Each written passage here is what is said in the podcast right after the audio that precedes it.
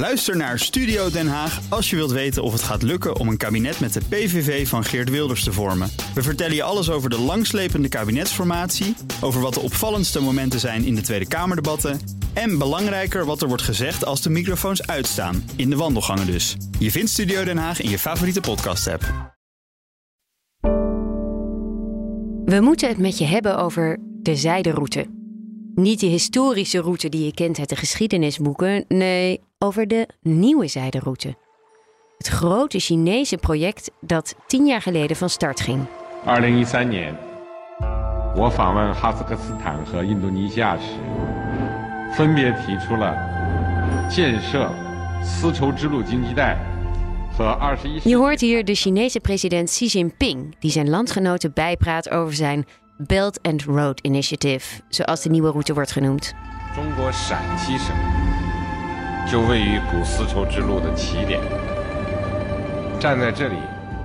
In het filmpje utopische beelden van een prachtige wereld vrij van oorlog en armoede ontvouwt Xi Jinping zijn visie op het project. Maar wereldwijd is men over dat Belt and Road Initiative niet alleen enthousiast, maar ook bezorgd. In deze aflevering kijken we wat tien jaar na de start de nieuwe zijderoute China en de rest van de wereld heeft gebracht. Dat doen we met John Boy Vossen, China-kenner van BNR Nieuwsradio, en Jean Dome, algemeen verslaggever bij het FD. Mijn naam is Elfanie Toulaar en dit is De Week Voorbij, de weekendpodcast van het FD. Ik had ooit een schoolgenootje toen ik school voor journalistiek studeerde. En die ging in 2007 ging hij naar China, omdat hij helemaal idolaat was. En hij vertelde me over zijn verhaal. Ik zei, dat China, wat gaaf. Ik, had een, ik kende China gewoon puur als land, maar voor de rest wist ik er niks van.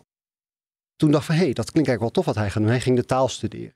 En toen ben ik in 2008 ben ik zelf ook zeven weken in China geweest. Om te kijken, nou, ik wil eens even kijken, is China iets voor mij? Toen heb ik eh, acht weken les gegeven, Engelse les. En na, een week dacht ik van, ik wil dit ook. Ik wil gewoon de talen, ik wil de cultuur kennen, alles. En toen heb ik eh, drie jaar lang eh, geld opzij gezet. En toen heb ik in 2011 besloten om eh, mijn baan op te zeggen en lekker naar China te gaan. En toen heb ik een jaar in Beijing gewoond. Aan Tsinghua University, een soort van de Harvard slash Yale van China. Om de taal te studeren. En eh, een later was mijn geld ongeveer op, dus ik moest terug naar huis. ik had ook een verdien hier, dus dat is ook een belangrijke reden natuurlijk.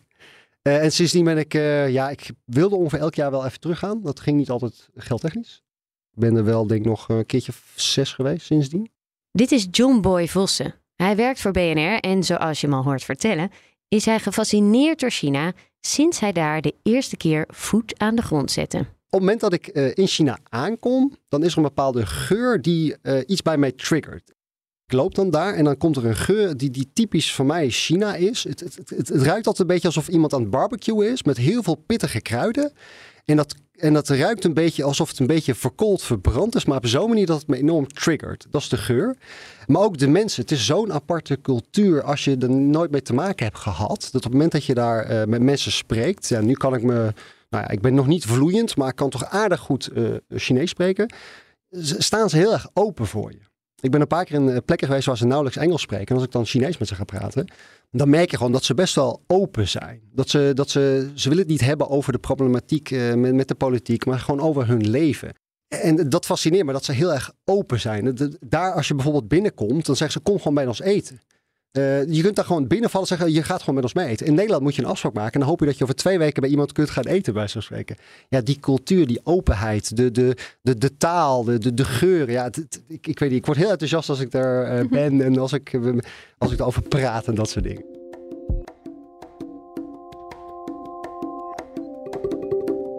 Maar hij is hier niet om iedereen van zijn liefde voor China te overtuigen. Hij komt vertellen over de nieuwe zijderoute. Tien jaar geleden kondigde Xi Jinping het enorme project voor het eerst aan. De gedachte achter het initiatief ontstond al eerder. Ja, daar moet je eigenlijk heel, nou, toch al 15 jaar terug in de tijd. We hadden natuurlijk de economische crisis in 2008. En wat je merkt was dat het Westen, Europa, Amerika daar behoorlijk last van had. We kennen natuurlijk de, de, de, de cijfers en de getallen en de werkloosheid, et cetera. China ging daar best wel goed mee om. Ze hadden er wel iets last van, maar eigenlijk economisch gezien hadden ze er een stuk minder last van dan wij hier in het Westen. tot 2008 à 10 was eigenlijk de, het credo binnen de Chinezen. We willen niet te ver ons hoofd boven het maaiveld uitsteken. We gaan gewoon rustig opbouwen economisch gezien. Toen kwam die crisis en zagen de Chinezen, ja maar wacht eens even, wij kunnen best wel wat. Wij kunnen best wel zelf gewoon ons eigen ding doen. Fast forward, twee, drie jaar later, werd Xi Jinping officieel president van China. En op een gegeven moment, hij was best wel um, iemand die ook heel graag een soort van wedergeboorte van China wilde. Hij wilde eigenlijk dat China weer het de center of the world werd. Wat hij deed was zijn allereerste grote project verkondigen. Dus Shichou de nieuwe zijderoute. Uh, in Indonesië en Kazachstan. En, en het doel daarvan was om ook economisch gezien China weer verder te ontwikkelen de economie van China had continu double digits. Dus continu 10, 11, 12 procent groei. Totdat dat op een gegeven moment ging afkalven. China had een enorm overschot aan uh, buitenlandse valuta. Maar ook dat uh, continu die binnenlandse markt uh, oververhit raakte. Ze bleven maar bouwen. Wegen, vliegvelden, gebouwen, et cetera, et cetera. Wat je zag was, ja, op een gegeven moment, je kunt maar zoveel woningen bouwen. Aha. Je kunt maar zoveel wegen aanleggen. Dus ze wilden eigenlijk kijken hoe zij eigenlijk die, dat overschot dat ze hadden, konden gebruiken. Dus keek, keek ze naar het buitenland. Ja. En nou, dit was een van die projecten daarvoor. Inmiddels wordt die nieuwe zijderoute de Belt and Road Initiative genoemd. Zijderoute vond men te veel naar het verleden verwijzen. En mocht je denken dat het een georganiseerde handelsroute is, dat is het niet. Het zijn vooral heel veel verschillende infrastructurele projecten in heel veel verschillende landen. Van Kenia tot Italië en van Kazachstan tot Peru. Je moet je het eigenlijk zo voorstellen. In de ogen van China was de hele mondiale infrastructuur vooral gericht op het Westen. Dat spullen vanuit Oost-Azië snel op Europese en Amerikaanse markten komen. Is dat ook zo? Nou, dat, dat weet ik niet. Je ziet wel dat, dat de verbindingen van en naar China konden wel beter. En waar China zich zorgen over maakte, was dat ook wanneer China geïsoleerd zou raken, zijn er dan wel voldoende mogelijkheden om spullen aan en af te voeren. Dus ze hebben een ambitieus plan gemaakt. Dat kon ook omdat ze heel veel geld hadden. En hè, China is eigenlijk nadat, gaan we terug in de geschiedenis, Deng Xiaoping, vorige Chinese leider, eind jaren 70, China heeft opengesteld economisch. Zijn wij er als de kippen bij geweest om uh, nou ja, productieplaatsen, fabrieken naar China te brengen. En dat is eh, heel goed gelukt, maar daar zijn ze ook enorm rijk door geworden. Dus China werd steeds rijker daardoor. En nou ja, beschikte over enorme financiële reserves. Die ze op een gegeven moment nou ja, zijn gaan gebruiken om te investeren in infrastructuur. Dit is mijn collega Jean Dome. Hij is algemeen verslaggever voor de krant en weet heel veel van China. De nieuwe zijderoute werkt zo. Landen kunnen bij China aankloppen om geld te lenen voor een infrastructureel project. Zo wordt de groep van landen die bij het Belt and Road Initiative betrokken zijn steeds groter. Wat die Chinezen eigenlijk doen, als je goed kijkt naar hun aanpak, dat is dat ze, nou, ze denken we willen graag een spoorlijn van A naar B hebben, of we vinden een goed idee als er een nieuwe haven wordt gebouwd in een Afrikaanse plaats. En veel van die regeringen in die landen vinden het ook een goed idee, die doen dat dus. Als China verstrekt dan een lening, vaak is ook de voorwaarde eraan verbonden dat het werk dan wordt uitgevoerd door Chinese bedrijven. En dat is een groot voordeel voor China, want uh, er is nog wat overcapaciteit bij uh, nou ja, Denk aan uh, grote Chinese constructiebedrijven. En dankzij al die projecten zijn ze ook voor werkgelegenheid verzekerd. Maar als je nu vanuit de helikopter daarnaar kijkt, wat gebeurt er dan eigenlijk? Regering in bijvoorbeeld Kenia leent geld. En op het moment dat ze dat geld binnenkrijgen, dan moeten ze het eigenlijk meteen weer inleveren bij een andere Chinese brievenbus om project uitgevoerd te krijgen. Dus het, ja, je kan ook zeggen dat het tamelijk geniaal is wat ze uh, in de stijgers hebben gezet. En daar zijn ze nu tien jaar mee bezig. Het is niet alleen positief, maar dat is wel hoe het in principe werkt. Deze landen worden dus uh, veel afhankelijker van China. Klopt, dat is ook onderzocht. Er zijn een, uh, het is niet in alle landen even dramatisch, maar je kan zo een lijstje maken van landen die in hoge mate van China afhankelijk zijn. Nou, daar staan er nog wel op. Djibouti, daar is ook een Chinese marinebasis. Een land als Laos is een berucht voorbeeld. Uit recent onderzoek kwam naar voren dat Laos een land is dat zeer hoge schuld aan China heeft. De schuld aan China bedraagt 65% van de omvang van de economie, van het bruto binnenlands product. Dan heb je het wel over in zekere zin een kwetsbaar land met een nou, relatief weinig inwoners uh, vergeleken met China, kleine economie. En ook de vraag of het allemaal terug kunnen betalen. Daar kun je wel zorgen over maken. Nou hadden we een paar jaar geleden hadden we een, een bijzonder geval aan de hand. Sri Lanka, daar zat een ambitieuze president, die wilde een grote haven bouwen. En nog een stadion en een luchthaven, het zuiden van het land. Eigenlijk niet zoveel activiteit was. En die heeft daarvoor veel geld geleend. Die, dat land is in de problemen gekomen. En uiteindelijk, om nou ja, van de schuld aan China af te komen, hebben ze toen besloten die haven van de plaats Hambantota voor 99 jaar in bruikleen aan China te geven. En dat leidde tot grote zorgen in India, een concurrent van China, maar ook in de Verenigde Staten. En die zeiden, ja wacht eens even, zou dit niet opzet kunnen zijn? Zou er niet sprake kunnen zijn van debt trap diplomacy, van schuldendiplomatie? Van we lenen heel veel geld uit, dan kun je het niet terugbetalen. En dan zit je als het ware in ons web. En dan moet je China als een soort spin uh, voorstellen. En, en dat, was een, dat was een verhaal dat met name een jaar vijf geleden veel opgeld deed. Er werd veel over gesproken. En hoe is dat afgelopen? Ja, ik denk dat onderzoekers die, die kijken, die zeggen, nou, er zitten wel degelijk negatieve kanten aan de manier waarop China geld uitleent. Het is heel risicovol. De rente is ook vaak hoog. Vaak wordt onderpand geëist in de vorm van uh, grondstoffen of een project. Maar het, lijkt toch niet zo te zijn dat China er echt op uit is om die landen in de val te lokken. Waar het eerder op lijkt, zeggen onderzoekers nu, is dat China eigenlijk niet goed kijkt. Je zeggen, het is misschien een vorm van amateurisme. Ze kijken niet goed naar de, de, de levensvatbaarheid van de projecten die ze uitvoeren. Hoe gaat dat dan? Want uh, stel ik ben een land en ik wil een lening van China, dan doe ik een aanvraag. Ja, en dan is de hoop dat ze ja zeggen. En, en een van de verschillen is wel, als je dus kijkt naar, nou, je, hebt, je hebt internationale uh, partijen die geld uitlenen. Denk maar denk aan de Wereldbank, aan het IMF. Maar belangrijk, ook als je zaken doet met westerse landen, is dat wij zeggen, nou, is er sprake van goed bestuur? Hoe staat het met corruptie? Uh, het Westen kijkt ook vaak naar mensenrechten. dus dat soort zaken. En China had de naam eigenlijk niet zoveel kritische vragen te stellen. Dus de Chinezen zeiden, nou ja, de, de gedachte in ieder geval bij andere landen was van je kan makkelijker geld krijgen. Geld dat ze dan vaak niet van, van andere instanties konden krijgen. Alleen waren de voorwaarden van China dan eigenlijk wat slechter, maar dat namen ze dan op de koop toe. Er zijn nog andere redenen voor kritiek. Zo zou China met het Belt and Road Initiative te veel invloed krijgen, klinkt het.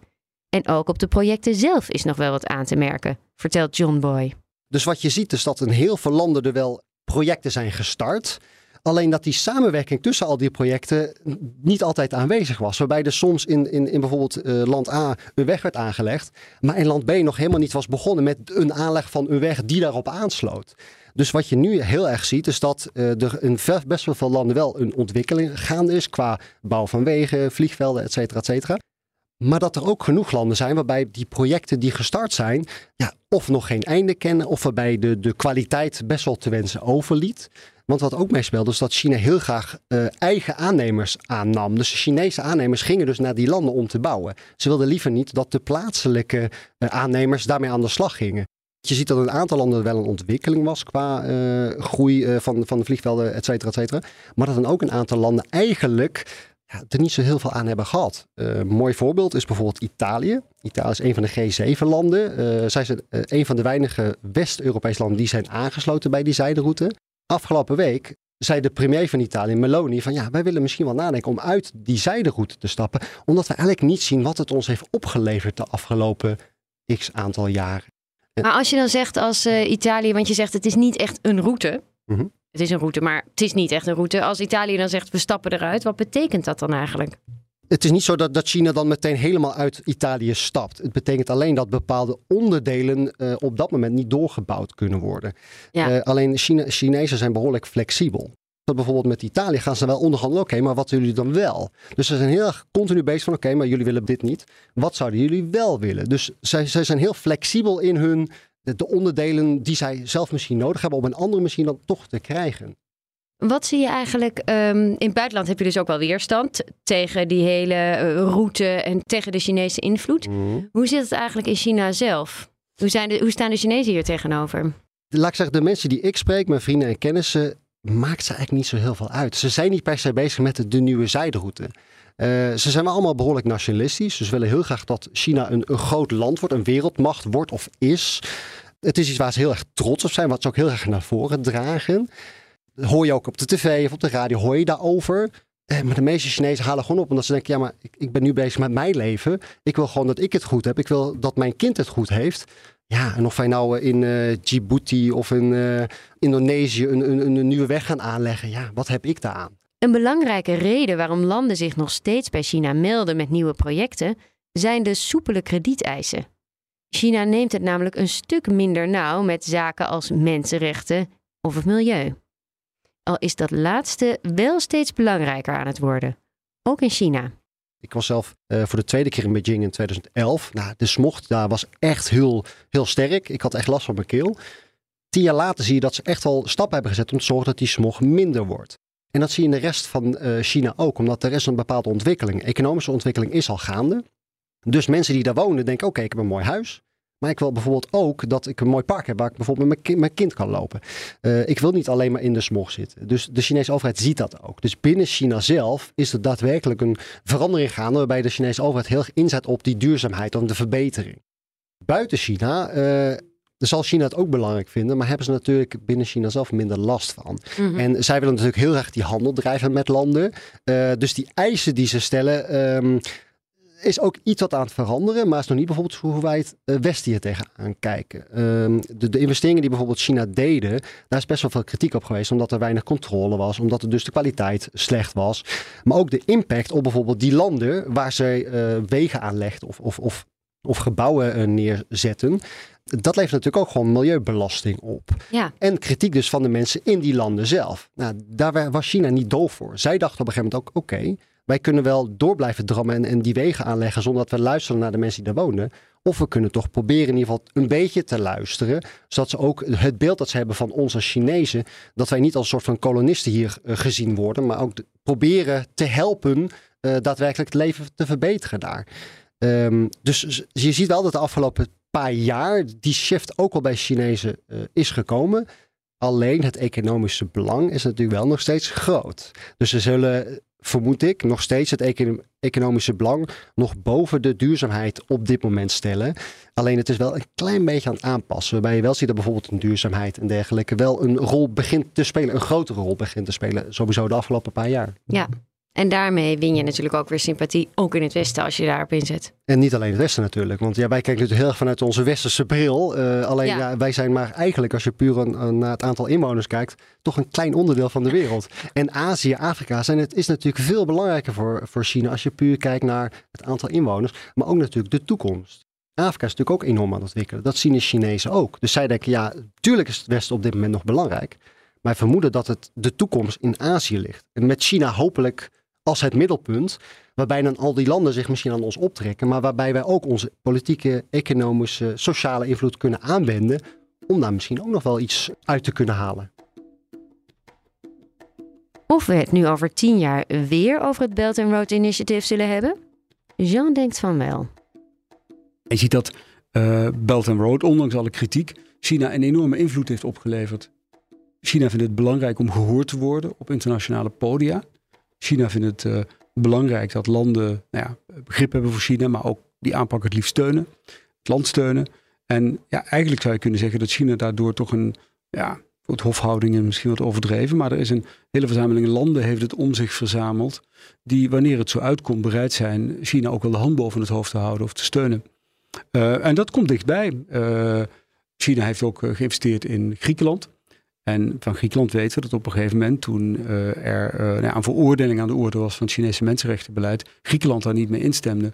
Dat komt natuurlijk in de buurt van wiens brood men eet, diens woord men spreekt.